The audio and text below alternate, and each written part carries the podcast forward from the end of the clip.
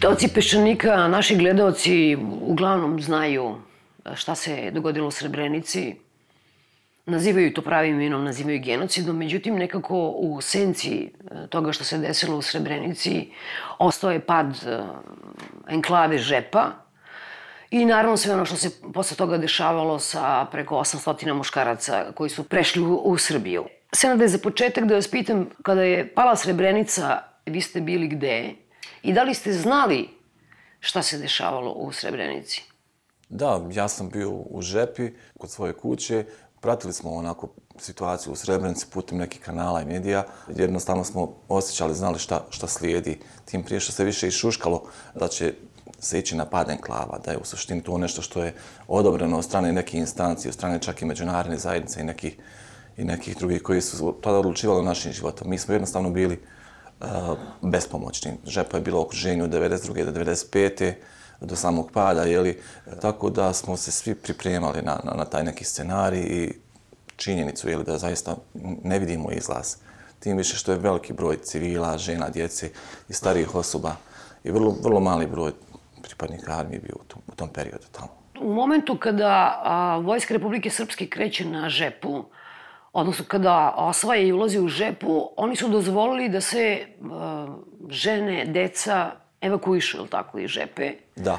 E sad, šta je sa muškarcima? Kakve su opcije bile muškaraca? Što muškaraca koji su bili u armiji BiH, što civila? Jedan dio civila, muškaraca koji nisu bili u armiji BiH, znači starih od 65-70 godina i djece, je pokušao tim konvojima proći. Neki su prošli, međutim, neki su u Rogatici ili čak na samom ulazu u Kladan, na zadnjem checkpointu, skinuti i vraćeni u logore, u Rogatici ili neke druge logore.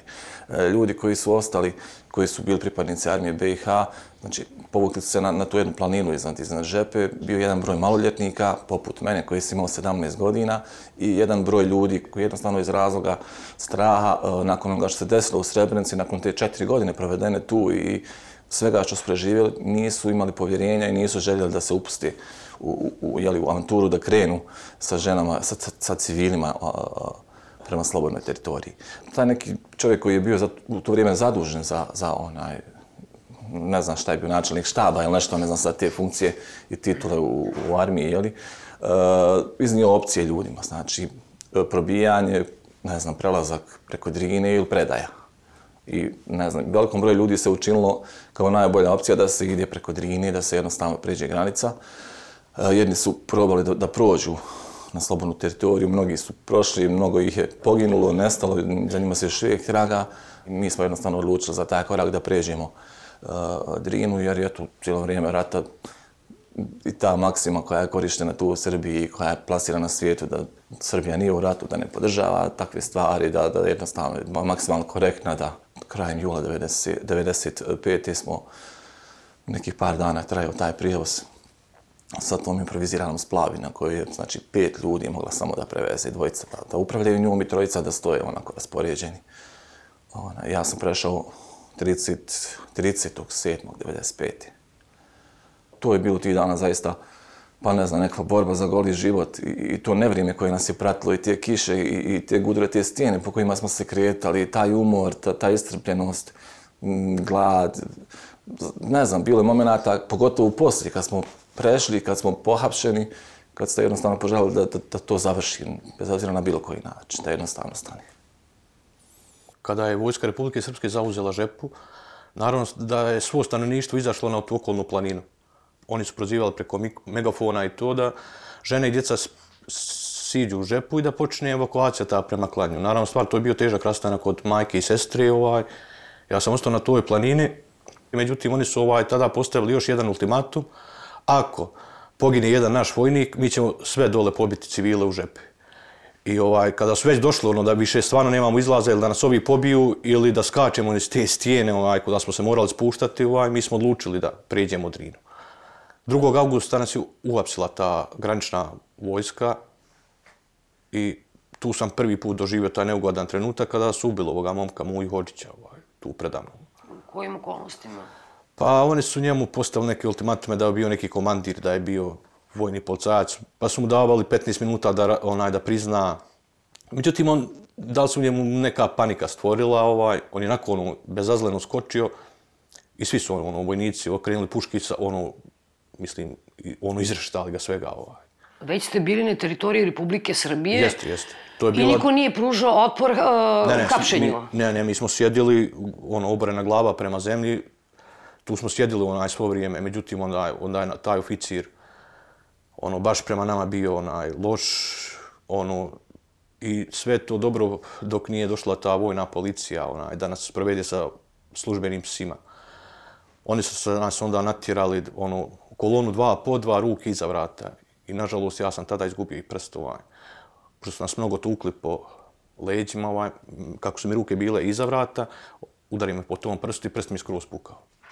Kasnije su dole, to, pošto je bio to 2. avgust, ovaj, zaustavljali kolonu, danas moramo pustiti turske krvi ilin dan, ovaj, pa su izvodili neke ljude da kolju, pa su vraćali, ono, I onda smo došli u to selo Jagoštice gdje su nas mještani isto čekali tu na nožu, ovaj, izašli su sa onim ručnim vilama, grablja, kako se zove sve one vile i ono, dajte da i mi presudimo. Međutim, tu je vojska stvarno, onaj, nije dozvolila nikakvo onaj ekces. Naravno, došao je taj neki kamion po nas, 92 nas je u dva kamiona vojna po Ceradu, ovaj, mislim, 2. august je bila, ja mislim, taj dan je preko 35 temperatura bila. Ovaj. Tu je bilo nesnosimo. Ja sam imao sreće, pošto sam zadnji ušao u taj kamion, pa sam imao ono da ide onaj kajš onaj, pa sam tu nos prot, da dobijam zraka. Ovaj. Ljudi su gušili u kamionu, jedno, jednostavno gušili se. Koliko znam, jedan čovjek je zaista i umro. A to je, ja mislim, na dan prije mene. Edhem Torlak je preminuo prilikom trans transporta u kamionu od Jagovošce do Šljivovice. Šta ste vi očekivali kad ste prešli u Srbiju? Da li ste verovali, s obzirom da Srbija zvanično nije bila u ratu, i da nećete doživjeti to što ste doživjeli kasnije od regularnih vojnih i policijskih jedinica države Srbije? Pa svakako smo se nadali da nećemo u mjeri u kojoj zaista jesmo preživjeli neke stvari. Ja sam lično ono očekivao dosta korektni tretman, iako onaj bili predstavljali se na sva zvona kako Srbija nema veze s tim, kako, iako sam znao, recimo, iako sam bio svjedok da, da su bombardovali, granatirali žepu sa teritorije Srbije, da su dolazili avioni iz Srbije i pucali po, po žepi, ali smo ipak očekivali da, da, neće, da se neće desiti stvar koju su nas se desila i počele dešavati od samog momenta predaje u najvećem broju slučajeva. Stvar koje se dešavale, jednostavno, bile su ono e, identične kao i u svakom drugom logoru u Bosni i Hercegovini, na teritoriji bivše Jugoslavije u periodu 92-95. Osim možda što, evo, slobodno ću reći, rekao sam to na sudu u Beogradu, što sam možda nakon par mjeseci shvatio e, da, da mi je život zaštićen, da me ne može izvesti, upucati, pucati mi u glavu, da me ne može ubiti tek tako ono, e, bilo je smrtnih slučajeva, mislim 5-6, ljudi su umirali od gladi, ljudi su se ugušili, evo jedan je čovjek ubijen od posljedica premlačivanja, neki su poslije i i po izlasku vrlo brzo mladi ljudi, znači relativno mladi ljudi preminuli, ali onaj, taj strah koji smo osjećali cijelo vrijeme, ta tortura znači u vidu izgladnjivanja, prebijanja, ispitivanja, izvođenja na prisilne radove. Znači, evo šta god da vam pomenim, opet kažem, osim te neke sigurnosti koje sam recimo lično ja stekao u nekom periodu, koja se opet znala gubiti s vremena na vrijeme, kad se desi neki eksces, recimo neki incident, pa neko dobije žestoke batine, recimo i oko nove godine i poslije nove godine. Naprimjer, ujutru u 7 sati idemo svi u WC. I pri izlasku iz u WC morali smo se krstiti. Vraćamo se u sobu, obećaju nam doručak, bit će doručak. Međutim, od tog nema ništa, izlazimo na suprotno igralište u Šljivovici, tu radimo neke vježbe, tako iz mrtvaranja moraš raditi vježbe. Ko ne može da radi, tu udaraju čizmama. E onda izvode na ispitivanje. Na primjer, ona gora su nam i, i dolazi nam istoričar i čita nam kako smo mi nastali u Srba i ide ta priča jednu sat, dva. Nije meni bilo problem krstiti se onaj to, nego ja kad sam prvi put to uradio, ja sam to nesvjesno uradio, ne, ne znam ni kako. I on je meni pukao šamar, kaže ne tako, nego ovako, tri prsta da stavim. Ja sam to nekako nesvjesno uradio, ne znam ni što, nisam znao. Bilo je tu razni predmeta koji su stajali za, da tuku. Od šipki, meni je palca bila ekstra. Policijska palca mi je bila ekstra kad me tuče njume. E, najteži su udarci bili to kad skinemo čarape i kad nas preko stolice ovaj, stavi po tabanima kad udari. Pa bilo je svega, ono, pjevali smo te pjesme. Glavna je bila Topoli pa do Ravne gore, to, to, to se konstantno pjevalo tu, onaj, horski smo je morali pjevati. I ta ispitivanja su mi isto teško padala, kasnije su, ovaj, ja sam imao sre, i tu možda sreći nekog sam puta išao na ta ispitivanja kod inspektora i tu je stvarno strašno jer moraš proći kroz kordon policije i tu me najviše strah čizme je bilo vojnika me udari jer ja sam bio i nekako sitan, još i mršav onaj, i kad me udari tom čizme, onako, letim kroz onaj, ondje pjesak i ono, onaj. Koliko ste imali godina tada? Pa 20 godina. To dani su prolazili, stvarno ja sam imao već problema sa rukom, ona je počela mi šaka crnjeti. I jednog dana, ne znam, nakon možda dvasetak dana, došla je, došli su neki bolničari iz Užice, ja sam se ono, prijavio na taj ljekarski pregled. I taj doktorica rekla da moram hitno u bolnicu. I to mogu sad ona, isto reći sa ponosom, kad sam došao u bolnicu, prvi sam put osjetio onaj, olakšanje. Taj doktor je stvarno svaka mu čast i tom čovjeku nikad neću zaboraviti. Ovaj, uradio je sve po standardu, ostranio mi jedan dio palca i ovaj, spasio mi ruku i život i tu je jedino ono što me održalo u životu da ima ljudi još dobri. Ovaj.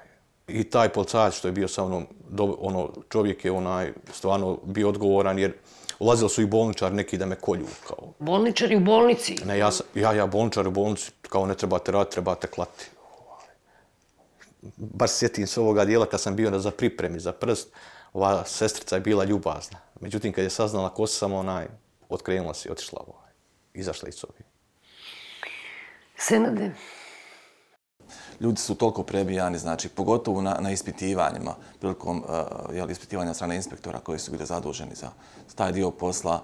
Bili smo izvađeni da stojimo na suncu dok ne popadamo, znači, pola nas ili svi. Eh, ljudi su bili vezani za, za drveće, postavljeni po 24 sata da stoje za kamenje. Eh, što se tiče hrane, znači, imali smo je naj, najveći period s početka, neku konzervicu možda na 2, 4, 6, 8 ljudi, zaista. Eto, nešto mi kroz, kroz memoriju prolazi da je jednom neka riba bila čak na 16 ljudi. Jedan dedo je bio sa mnom koji imao čir, nije mogao svašta da jede, pa smo često dijelili, pa mi je baš bilo ono drago što ne može jesti neku ribu koju, koju jednostavno ne smije jesti, ono, i, i tako te neke stvari. Ova izvođenja u svako vrijeme, znači, pogotovo u početnim mjesecima od strane policajaca, e, sa ili bez znanja nadležnih, zaista to, to ne mogu bilo sigurno jednog i drugog eh, e, premoćivanja, odvođenja ovdje. Zabilježeni slučaj seksualnog zlostavljanja. E, ja nisam vidio, nisam preživio, ali sam sa čovjekom pričao prošle sedmice koji je imao 19 godina, koji mi je ispričao jednu, jedan dio svoje priče o, o tom zlostavljanju u Šljivovici, u logoru Šljivovica zaista ne, mogu, ne mogu da shvatim da, da neko danas može reći da se radi o prihvatnom centru, da, da se radi o policajcima koji su bili zaduženi da čuvaju, da štiti ne znam, nija, da, da čuvaju, da obezbjeđuju te objekte, te ljude. Da li vam je i ko dolazio iz Međunarodnog crvenog krsta i kada je raspušten logor, ili kako ga ovi zovu prihvatni centar, jedan veći broj ljudi je otišao u treće zemlje. Kako je uopšte dolazilo do selekcije, ko može da ide? Crveni krst je došao u, u Mitrovo polje odmah, znači po našem dolasku 4. augusta. Međunarodni. Taj dan, Međunarodni komitet Crvenog krsta.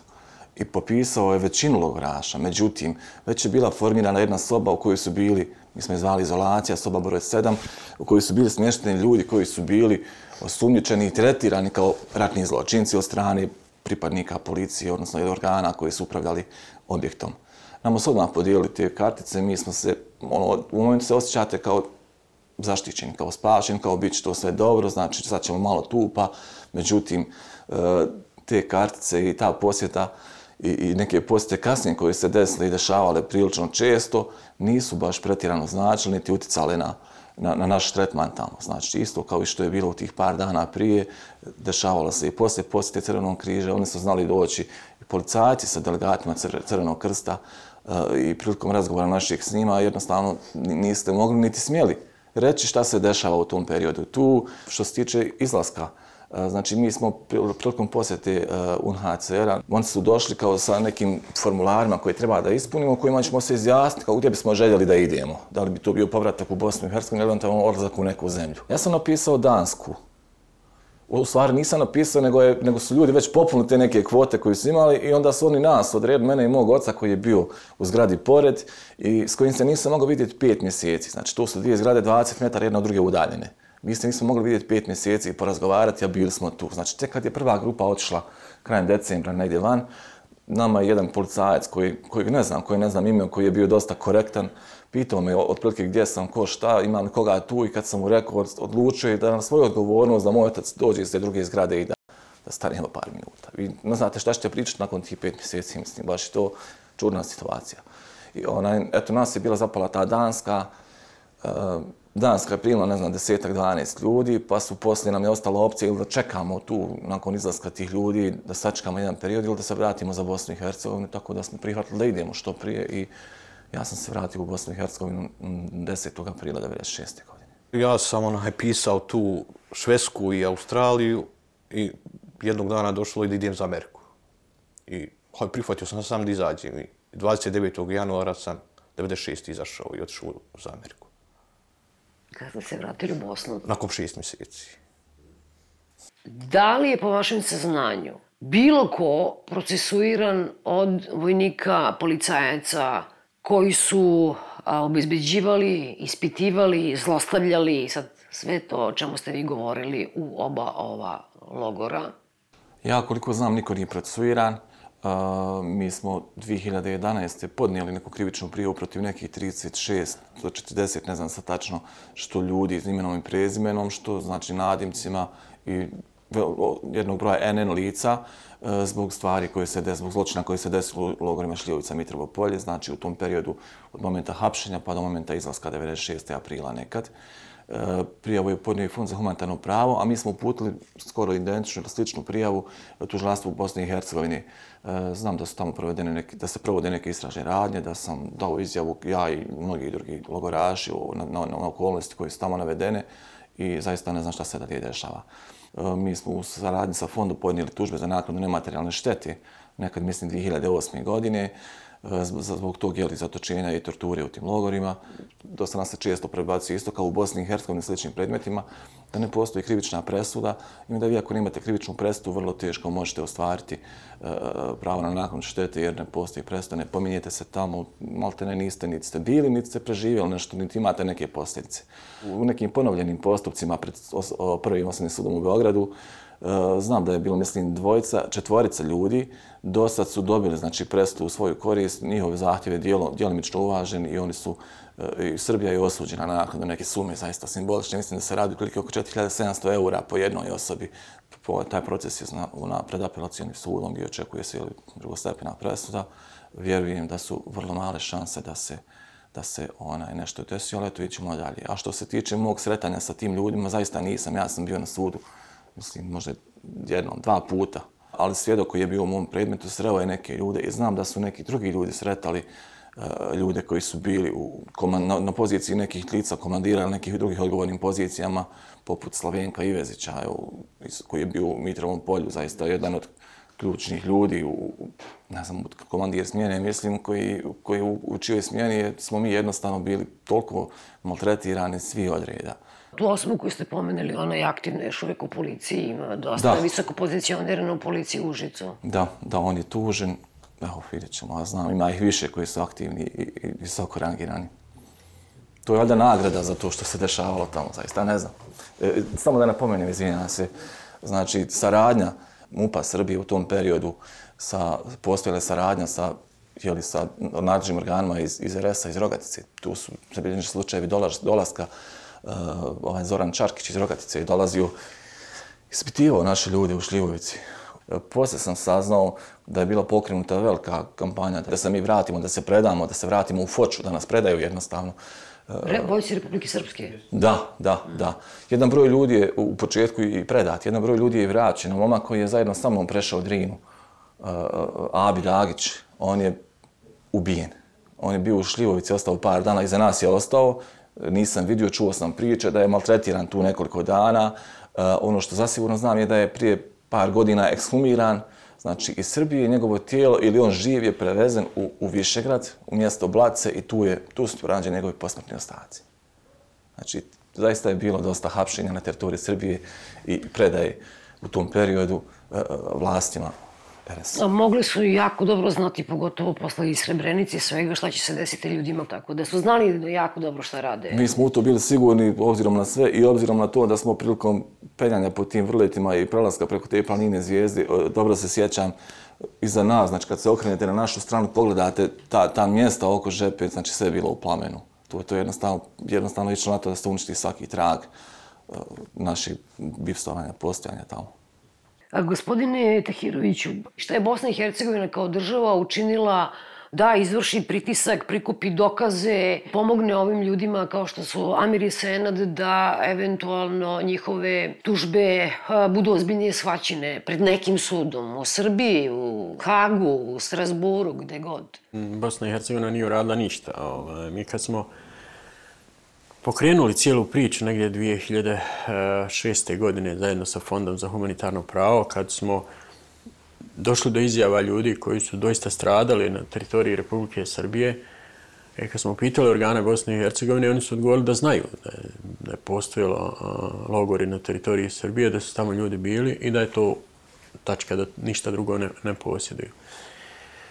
Kad smo mi prikupili izjave, vidjeli smo da su ljudi, e, pogotovo za Šljivovice Mitrovo polje, prošli sličnu torturu kao što su prolazili logoraši širom Bosne i Hercegovine pa i Crne Gore i naravno na teritoriji Republike Hrvatske su također postojali logori.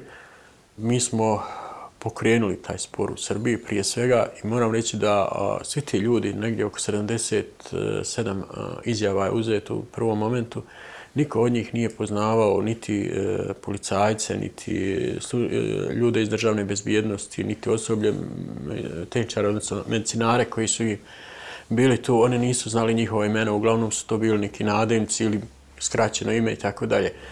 Tako da su ti podaci o, o, o ljudima koji su bezbeđivali na neki način taj logor, odnosno bili ljudi koji su maltretirali i na kraju ubijali logoraše, je bio veoma štur.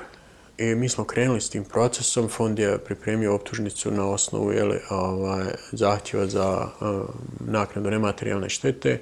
I prilikom dolaska u sudnice u, u Beogradu ovdje na suđenje došlo je do uh, toga da je što Srbije uh, pokušavajući jel, odbraniti stav Srbije, njenu nevinost u svemu ovome, uh, načinilo jednu uslugu nama. Oni su doveli sve te ljude u sudnicu kao svoje svjedoke, od e, policajaca, ljudi iz državne bezbjednosti, medicinskog osoblja, oni su njih maltene svi doveli kao da dokažu da se tamo nije ništa desilo. To je bio neki naš početak pokretanja krivičnoj odgovornosti za ljude koji su to radili u Šljivovici Mitrovicu. Naravno, Bosna i Hercegovina je zemlja u kojoj je epicentar sukoba na prostoru bivše Jugoslavije bio. Tu je ogroman broj zločina, ogroman broj, broj onih koji su uh, na izuzetno visokim funkcijama u Bosni i Hercegovini. Mi smo sad imali izbor, imate načelnike općina koji su osuđeni za teška, teške ratne zločine, međunarodno pravo i tako dalje. Oni su danas načelnici opština, oni diriguju jeli, život u Bosni i Hercegovini. Stanje je tako kako jeste. Međutim, tužba je pokrenuta, ja zaista se divim ljudima poput Senada, poput Amira koji ovaj, imaju hrabrosti da malte ne svaki dan iznose o, ono što im se desilo, da govore svoju priču iako i za, za to nemaju ništa. Nemaju niti jedan eh, krivični postupak gdje, su, gdje, gdje trebaju ljudi da odgovaraju. Nemaju apsolutno nikakvu satisfakciju. Nemaju nikoga sa suprotne strane koji je spreman da pruži ruku da kaže rat je bio, nešto mi se desilo, neki klik me je pogodio, jednostavno što kaže, izvini.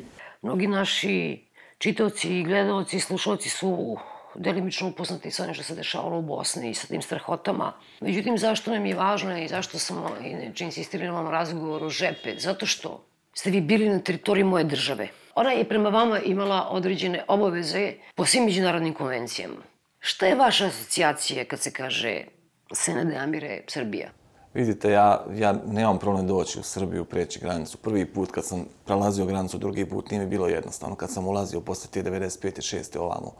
Međutim, mi smo dosta, dosta često imali problem uh, prilikom uh, pokušaja da, da nađemo nekoga ko će doći tu, da svjedoči u mom predmetu, u njegovom predmetu, da ljudi jednostavno kažu ja tamo više ne idem. Ja sam završio ja preko Drine, neću prijeći, tek to Bosna, a ne Srbija Ako sam prešao granicu, znači postoji procedura, jel? Postoji nekakav zatvor, postoji nekakav proces koji moram da prođem i, i ne znam već kako. A, a prijeći granicu i preživjeti to što smo mi preživjeli ovdje, samo zato što smo došli odatno, dakle smo došli zbog toga kako smo se zvali. Možda bi imao drugčije mišljenje poslije izlaska iz logora, da mi nije, da taj doktor koji je meni stvarno pomagao u Užicu, i onda mi je, ono, možda sam ja tad, do tada mislio da Srbi da su svi isti. A sad tada vidio da ima ljudi i da ima ljudi koji, koji su mi u najtežim momentima pomogli. To je borba koja traje, ona nije jednostavna i to smo znali kad smo kretali ovo sve, da je to borba protiv ljudi koji imaju jake pozicije, koji imaju jaku pozadinu, koji su na kraju krajeva uglavnom heroji u tim svojim sredinama. No, međutim, e, drugi svjetski rat je završio podavno, pa se i danas hapse pojedini koji su još živi. Ono što je ključno za Bosnu i Hercegovinu i za, za građane Bosne i Hercegovine jeste nastanak Haškog tribunala. Mislim, u sve svoje te nedostatke koje je imao, da je uspio procesuirati one e, počinioce ratnog zločina koje vjerovatno sudovi na ovim prostorima nikada ne bi uradili. I to je nešto što ovaj, svakako treba isticati, dati e, do znanja generacijama koje dolaze, pokušati im predočiti činjenice koje je Haški tribunal zabilježio i naravno borbu koja traje ovdje vas, recimo Fonda za humanitarno pravo i drugih organizacija koji imaju hrabrosti. I prije, naravno, kad je bilo puno teže da se suprostave jednom jednoj ideji da, koja je bila zaista negativna prema prije svega državi Bosne i Hercegovine da, da se suzbije ta ideja i da pokušamo naći ovaj, e, neki put koji je nama zajednički. Vrijeme je da pokušamo prekinuti ovo. Moj otac je bio, imao 14 godina kad je završio u logoru u drugom svjetskom ratu. Ja sam sad završio u logoru. E, kada pogledamo prostor Balkana, maltene, ne postoji generacija unazad 200 godina koja nije doživjela neku tragediju ja eh, ne bih želio da to moje dijete doživi. Mislim da i oni koji su činili zlo u ovome ratu ne bi željeli da to njihovo dijete doživi. I vrijeme je da pokušamo naći rješenje, da prekinemo sa ovim, jer ovo zaista ovaj, nikome nije potrebno. Vidimo kako su to riješili skandinavci, vidimo kako su to riješili njemci i francuzi koji su hiljadama godina imali problema. Zašto mi to ne možemo? Mi, ja mislim da mi nismo glupi, Samo je pitanje koliko smo sami svjesni sebe da je vrijeme da moramo živjeti tu gdje jesmo jedni pored drugih. Hvala vam mnogo što ste bili gosti. Hvala. Hvala.